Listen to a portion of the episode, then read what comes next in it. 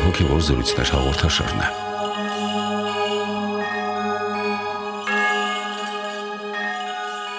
Ողջույն սիրելի ունկնդիրներ։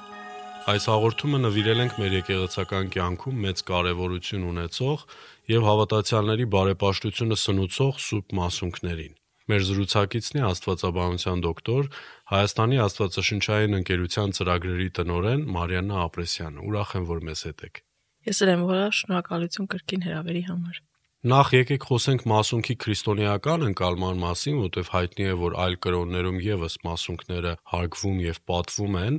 մանավանդ քրիստոնեական վաղ շրջանում դրանց հանդեպ վերաբերմունքին, տիրոջ երկրային կյանքից մնացած մասունքներին, դիցուկ վարշամակին, գեղարդին եւ վաղնահատակների կյանքից մնացած մասունքներին, որոնք հարգվել են եկեղեցում։ Այո, պետք է նշեմ, որ մինչև նահատակների Երևան գալը տիրոջ երկրային կյանքում եւ իր առաքյալների օրոք կար այդ երևույթը, որ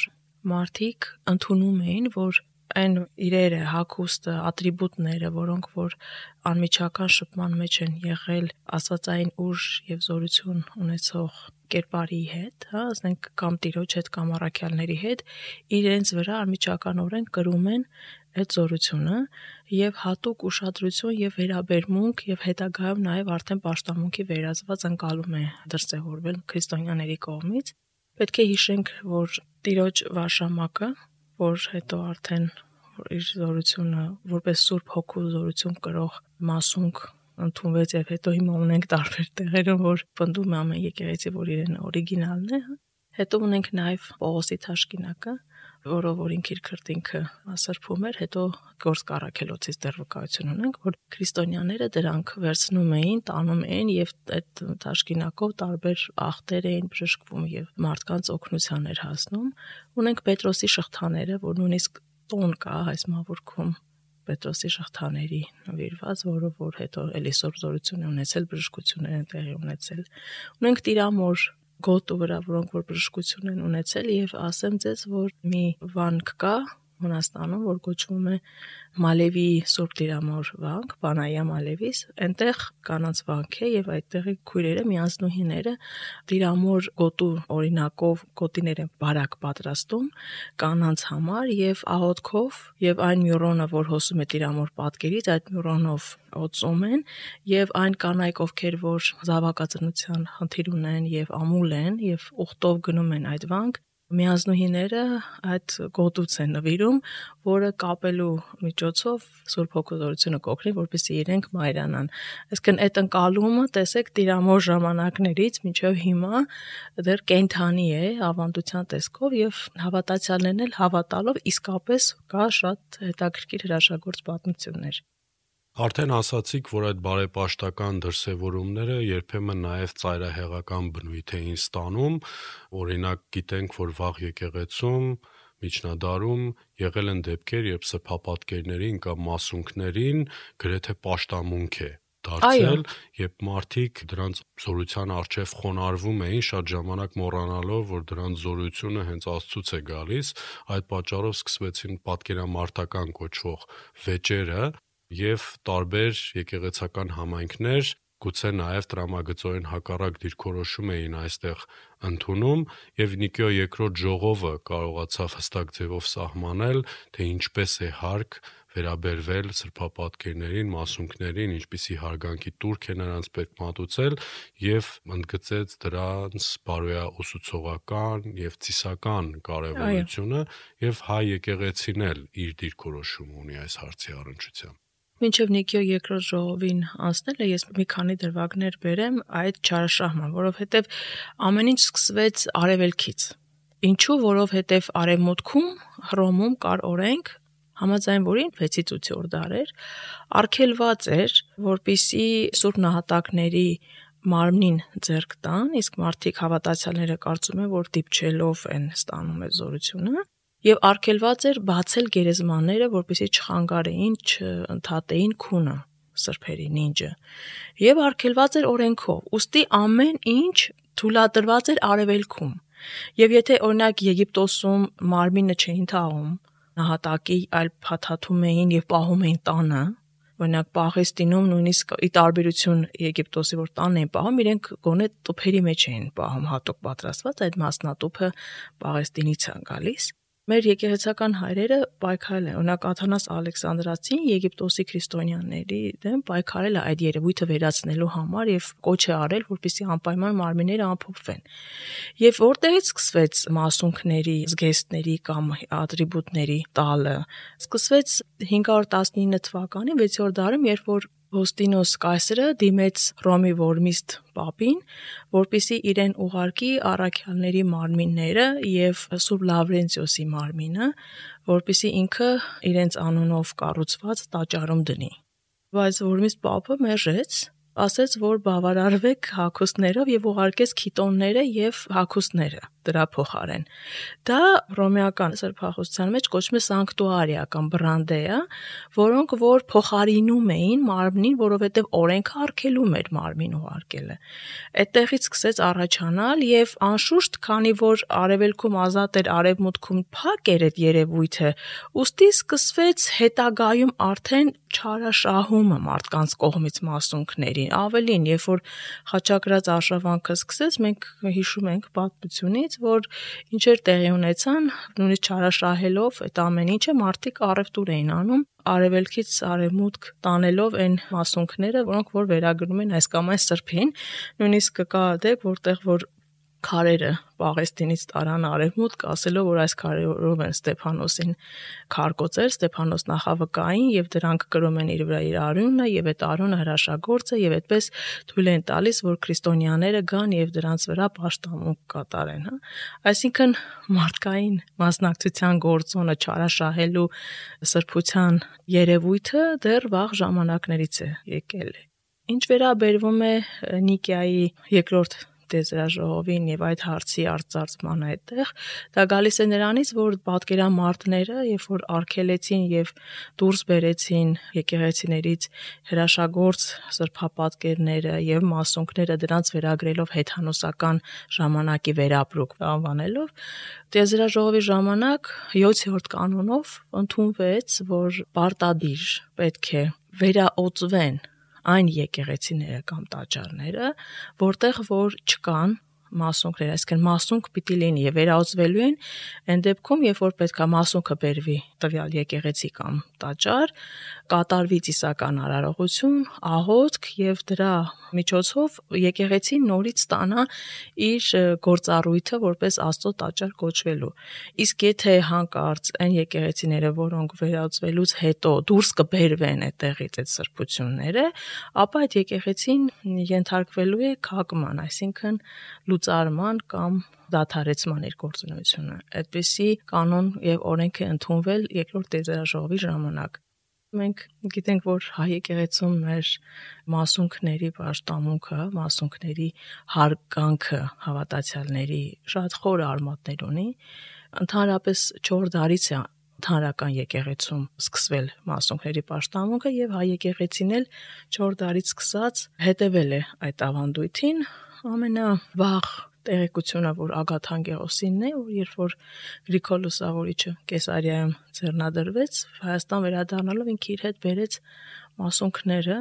Հովանես Մկրտչի եւ Խոտաճարակ ճգնավորների մասունքները։ Դրանից հետո մենք ունենք Գեղարթի որպես տիրոջ տիրամուխ Գեղարթի պաշտամունքը մենք ունենք հատուկ մասնատփեր ճաճանչի տեսքով, աչի տեսքով մասնատու պահրաններ, որի մեջ մենք հատուկ տեղադրում ենք եւ դեռ վաղ ժամանակներից սկսած մենք պահպանել ենք այդ ավանդությունը, որ մասնատոփերը անպայման զարդարվում են, որոնք ունենում են սյուժետային երբեմն զարդարանքներ, այսինքն եթե տվյալ սրբի մասունքն է իր չարչարանքի հրաշագործության որևէ տեսարաններ կամ եթե խաչի մեջ պահվող է, ապա թանկագին քայլով կամ հետաքրքիր զարդերով զարդարում են, այսինքն այդ հարգանքը ոչ միայն պաշտամունքային տեսքով է տրվում, այլ նաև պահպանելու, զարդարելու, մեծարելու առումով եւ մենք միջև օրս տոններ ունենք մասունքներին նվիրված որը որ Փառք Աստծո մինչև հիմա մեր հայ հավատացյալները տոն նախամփում են եւ մասնակցում են եկեղեցու տիսական կյանքին մասունքների նվիրված։ Երբ խոսում ենք մասունքների հրաշագործ զորության մասին եւ դառնում ենք եկեղեցական պատմությանն ու ավանդությանը, շատ են ի հայտ գալիս դեպքեր, իրական դեպքեր, իրական փաստեր եւ օրինվածքներ, իրական մասունքներ, պատմական հիմք եւ ապացուցելիություն ունեցող եւ կեղծ մասունքներ, ունենք իրոք դեպքեր, երբ մասունքները մեծ հրաշքներ են գործել, դիցուք Սուրբ Գեղարդը ողջ 19-րդ դարի առաջին կեսին մի քանի անգամ Թիֆլիս է տարվել, շրջել է ամբողջ Հայաստանի գավառներով ժանտախտի համաճարակը կանգնեցնելու նպատակով սկզբում ռուսական կայսերական իշխանությունները կարանտինը խանգարելու պատրվակով խոչընդոտում էին Գեղարդի այս կամ այնտեղ տարվելուն, բայց հետո տեսնելով այդ հրաշագործ զորությունը հենց իրենք էին միջնորդում, որպեսզի Գեղարդը բերվի ինչ որ մի շրջան, օրինակ Օրմանյանը իր պատմության մեջ հիշատակում է, որ եղել են նաև մասունքների հապշտակման դեպքեր, երբ տարբեր եկեղեցիներ դուրս են եկել ճակերտավոր որսի մասունքների ետևից դիցուկ 14-րդ դարում կաթոլիկ ունիթորները օգտվելով անիշխանությունից եւ պատերազմական վիճակից մտել են Սուրբ Ռիփսիմեի տաճար, քանդել են խորանի հիմքը, փորձելով Սուրբ Ռիփսիմյանց մասունքները այնտեղից դուրս բերել եւ Փարքասոր երկու հայ եպիսկոպոս վրա են հասել եւ կարողացել են խոչընդոտել դրան։ Այնպես որ կարիք կա միևնույն է զանազանություն մտցնելու իրական ապացուցված եւ հորինված դեպքերի միջև։ Հավելեմ նաև ձեր ասացին, որ դրանք շատ վաղ ժամանակներից են գալիս։ Օրինակ, մենք ունենք դեպքեր ոչ միայն մասունքների թալանելու կամ մասունքների հետևից, այսպես ասած, ձերկբերման որսի հետաքրքիր դրվագներ դեռևս 4 դարից։ Օրինակ, բացի մասունքներից նաև փորձել են նշխարներ տանել այդպես իրենց եկեղեցիներ։ Հետաքրքիր վկայություն ունի 4 դարի Կիրոսի, հա, այսօրվա Սիրիայի եպիսկոպոսի մի աշխատություն, որ ժողովածու է ճգնավորների կյանքի, ինքա հետաքրքիր դրվագներ է պատում, թե ինչպես են տվյալ ժամանակներում տարբեր քաղաքների քրիստոնյաներ, ինչ կռիվներ, արնահեղություններ տեղ ունեցել իրար միջև այս կամ այն նահատակի մասունքները կամ նշխարները ձեռք բերելու համար։ Հիշենք, որ Սիմեոն Սյունյակեցու նինջելու ժամանակ կա աղբյուրներում տեղեկություն, որ 600 զինվոր էր հսկում Սյունյակեցու մարմինը, որպիսի քրիստոնյաները հանկարծ չգողանան եւ չտանեն։ Այսինքն այս երևույթը սրբությունները տանելու տարածված է շատ վաղ ժամանակներ ունի, ավելին ասեմ, դա է գուցե հավանաբար եղել պատճառը, որ հետագայում սկիզբ առավ մասունքների մասնատման եւ բաշխման երևույթը կամ թեկուս նշխարների մասնատման եւ բաշխման, այսինքն մարմնի տարբեր անդամների տարբեր եկեղեցիներ ուղարկելով, որպեսզի Սուրբ Հոգու զորությունը նաև փոխադրվի մեկ այլ եկեղեցում տեղ գտնի կամ ամփոփի։ Այս երևույթը իր մեջ շատ կարևոր նշանակություն ունի, որովհետև իրենք համարում են, որ կամ մասունքը կամ մարմինը ամբողջությամբ կրում է Սուրբ Հոգու Աստվածային շնորհը եւ զորությունը եւ կապ չունի թե ինչքան մեծության մասնիկ կարող է տեղափոխվել որևէ եկեղեցի եւ այդտեղ գրել ամբողջությամբ զորությունը տեղափոխել այդ եկեղեցում եւ քրիստոնյաներն էլ մասնակից լինեն դրան։ Ինչու? Որովհետեւ վաղ շրջանի եկեղեցում կար նույնիսկ Բարսեղ կեսարացին էլ ունի իր աշխատության մեջ, որ հաղորդությունից առաջ ավանդույթ էր, որպեսի քրիստոնյաները մասոնքին դիպչեին համբյուրեին, հետո նոր հաղորդություն առնին, որովհետեւ իրենք այն մտայնություն ունեն, որ մասոնքին դիպչելով իրենք արդեն սրբանում են, կրում են այդ սրբությունը իրենց մեջ եւ նոր արժանի են մոտենալու եւ հաղորդություն առնելու։ Եվ ասեմ, որ մասունքների հանդեպ հատուկ վերաբերմունքը դեռ սուր գրքից 5 տականում, եթե նայենք, հա, Եղիսե եւ Եղիա մարգարեների հետաքրքիր դրվագը կա 4 թակավորության երկրորդ գլխում, երբ որ Եղիան երկինք բարձրանար, այդ ժամանակ վերարկուն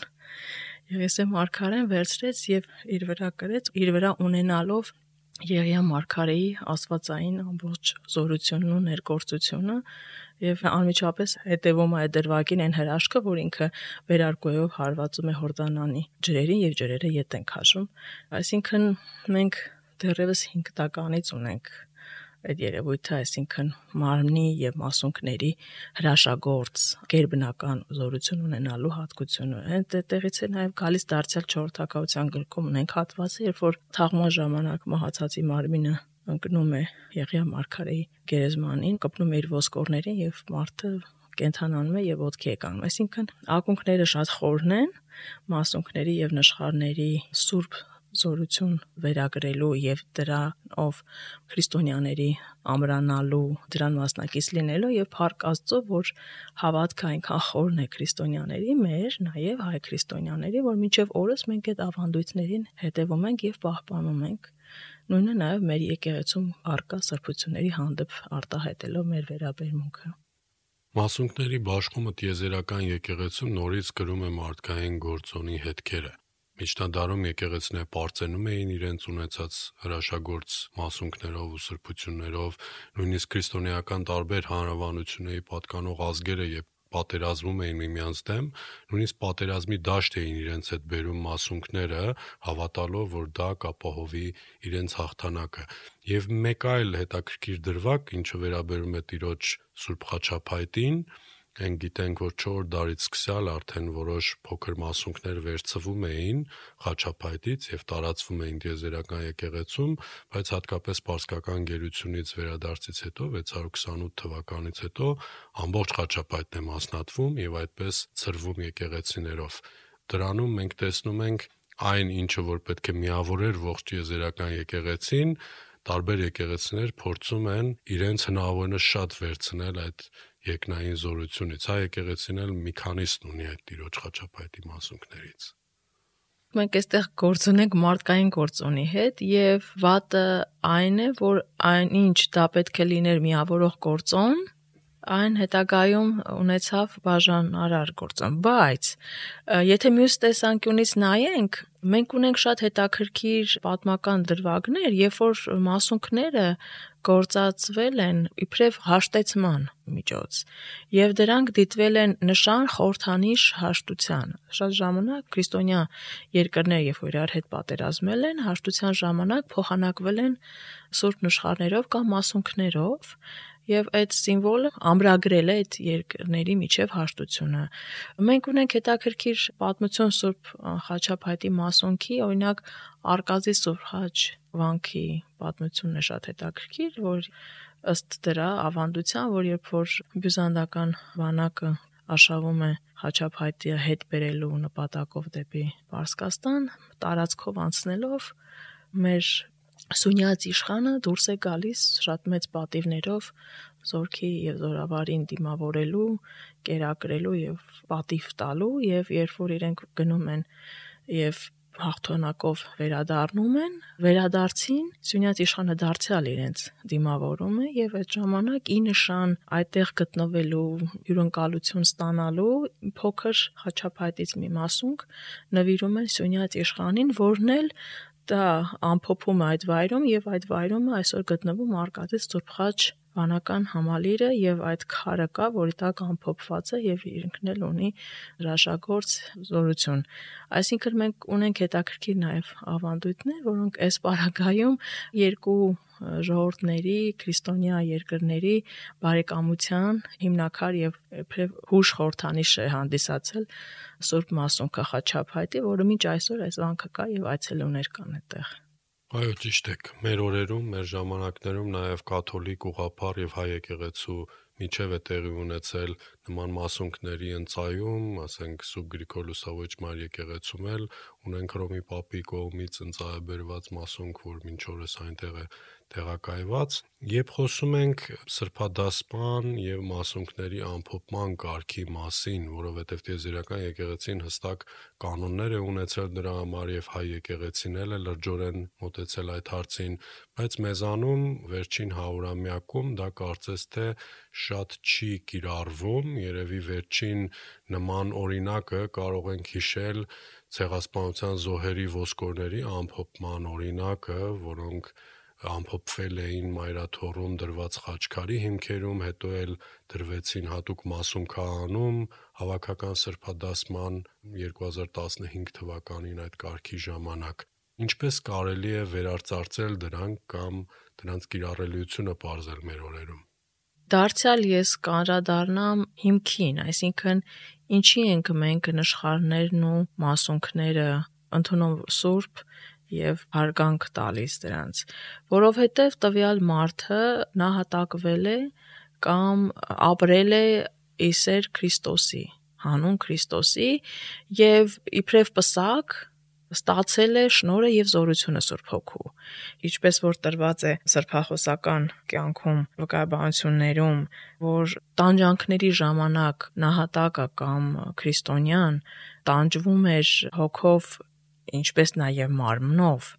եւ հոգին հաղթանակեց, առավ պսակը հաղթության, բայց մարմինն էլ հաղթանակեց եւ առավ բույրը անուշահոտությունը, որը փաստ էր իր սրբության, որովհետև Սուրբ գրքի մեջ էլ հա Պողոս Արաքյալը Կորինթացիների երկրորդ իր թղթում ասում է այդ մասին եւ դա են կայակոչում, որ Տիրոջ առաջ պետք է բույր ունենան։ Սրբադասման ժամանակ էլ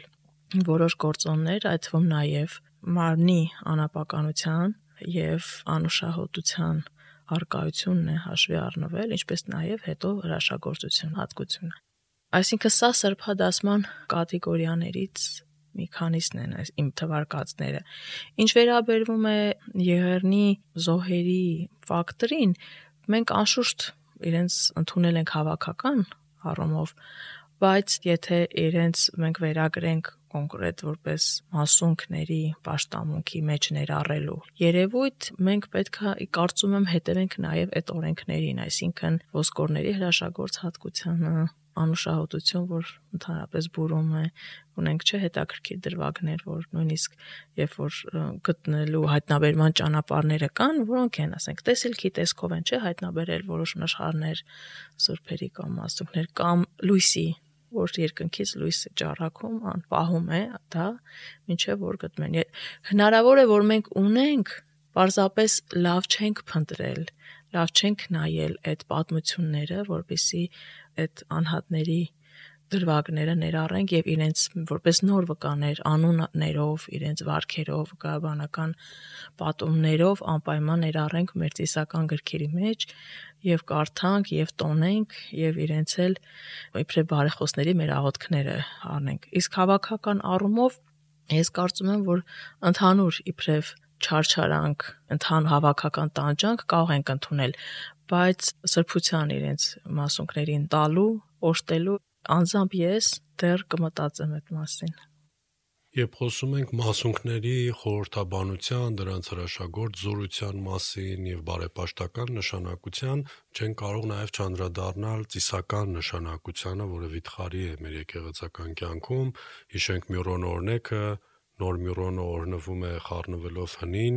Սուրբ Գեղարդի, Տիրոջ խաչապայտի մասունքի, Գրիգոր Լուսավորչի աչի եւ շատ ուրիշ մասունքներով թափորներ կան, այդ սրբերի տոների օրը բերվում են մասունքներ, եթե դրանք արկա են, մասունքների մեկ այլ հետաքրքիր տեսակ, որ հենց Տիրոջ խոսքն է, հրաշագործ ավետարանները, որ տարբեր տոների տարվում են եկեղեցիներ մատենադարանում պահվող սրբազան զորություն ունեցող ավետարանները, այսինքն հենց դա է, որ նաև սնուցում է մեր բարեպաշտական կյանքը հենց այն առիթն է, երբ մենք շփվում ենք մասունքների հետ, իբրև երկնային եկեղեցու եւ երկրայինի հանդիպման առիթ։ Այո, համաձայն եմ, քանի որ նշխարներին, մասունքներին վերագրված շարականները մեր տոնակարգի մեջ իրենց ներառելու եւ տոնակարգը հարստացնելու երևույթը ավելի շատ զարգացնում է եւ խթան է հանդիսանում պաշտամունքային եւ ծիսական կյանքում եկեղեցու եւ հավատացյալի կապը սերտացնելու համար։ Ես կարծում եմ, որ այստեղ բացի կոնկրետ նահատակների, ճգնավորների կամ հայրերի այսօր մասնունքներից շատ կարևոր դեր են խաղում նաեւ հրաշագործ ավետարանները, որոնք շատ ինքնատիպ պատմություններ ունեն, շատ հետաքրքիր վկայություններ ունեն կոնկրետ հրաշքների, բժշկությունների կատարման, նույնիսկ իրենց կորելու կամ հապշտակման դեպքեր ունենք, որոնց որ հայտնաբերման եւ գտնման համար իսկապես այդ լույսի արկայության հետաքրքիր ճանապարհներով գտնելու մասին են վկայում։ Ես կարծում եմ, որ դա մեր հոգևոր հարստություններից, հոգևոր գանձերից մեկն է, միեջն է մեր ծիսական կյանքում եւ դա է օգնում, որ այս մոդեռնացված տեխնոլոգիապես հագեցած աշխարհում, երբ որ մարդը ինչ որ մի պահ գալիս է դատարկության մեջ, այդ իսական կյանքը եւ այս բարեպաշտական արարողություններն են նորից խթան հանդիսանում, որpիսի ինքը իր մեջ վերագտնի իր հոգեոր ռեսուրսը եւ նորից վերադառնա եկեղեցուն ու քրիստոնեական իր ակունքներին, մնալով իբրև բարեպաշտ քրիստոնյա եւ հաստատուն պահելով իր կապը Տիրոջ հետ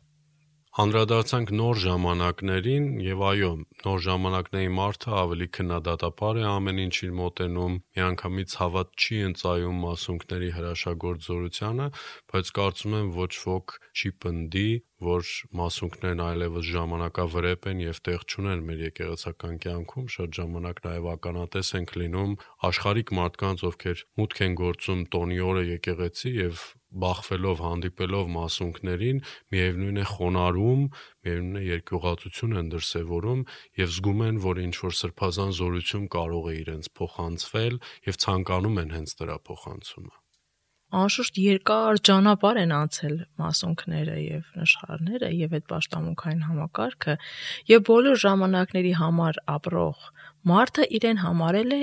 ժամանակակից աշխարհի մարդ եւ անշուշտ որևէ դարում ապրող զարգացած կամ գերզարգացած մարդը միշտ փնտրել է պատասխաններ, վերլուծություններ գտնելու ինչու է այսպես որտեղից են անընդհատ փորձել է գտնել իմաստը հրաշագործության, այլ ոչ թե հենց ուղակի ընդունելու սրբությունն ու հրաշագործությունը։ Եվ ես կարծում եմ, որ իր հարցերը ինչ որ միտեղ անշուշտ սպառվել են եւ ինքը ուղակի ընդունել է իրականությունը։ Եվ եթե մինչև այսօր մասունքները կենթանի են եւ հասել են մեզ անխափան եւ անխախտ պահպանելով իրենց հոգեվոր եւ աստվածային շնորհն ու ուժը ես վստահ եմ որ մենք այդպես էլ փոխանցելու ենք մյուս սերունդներին, որը լինելու է այլ ավելի զարգացած մեզանից անշուշտ։ Այնպես որ աստվածային շնորհն ու ուժը ժամանակ չի ճանաչում եւ տեղանք, եւ ինչպես որ Տիրոջից մեզ փոխանցվել է, մենք այդպես էլ փոխանցելու ենք եւ ես լիահույս եմ, որ ինքը ամենագեր զարգացած մարդը թեկուս 2070 կամ 100 թվականին ինքը միևնույնն է խոնարհվելու է Սուրբ Մասոնքին, իր աղոթքն է բերելու եւ համբյուրելով կամ դիպչելով սրբվելու եւ մաքրվելու է։ Ես դրան հավատում եմ։ Շնորհակալ եմ այս զրույցի համար, որը միանշանակ պետք է խթանի մեր հավատացյալների հոգեվոր բարեպաշտական կյանքը, մշտապես դիմենք աստվածային զորության հովանավորությանը, որը գործում է հենց Սուրբ Մասունքների միջոցով։ Ամեն։ Մնացեք խաղաղությամբ։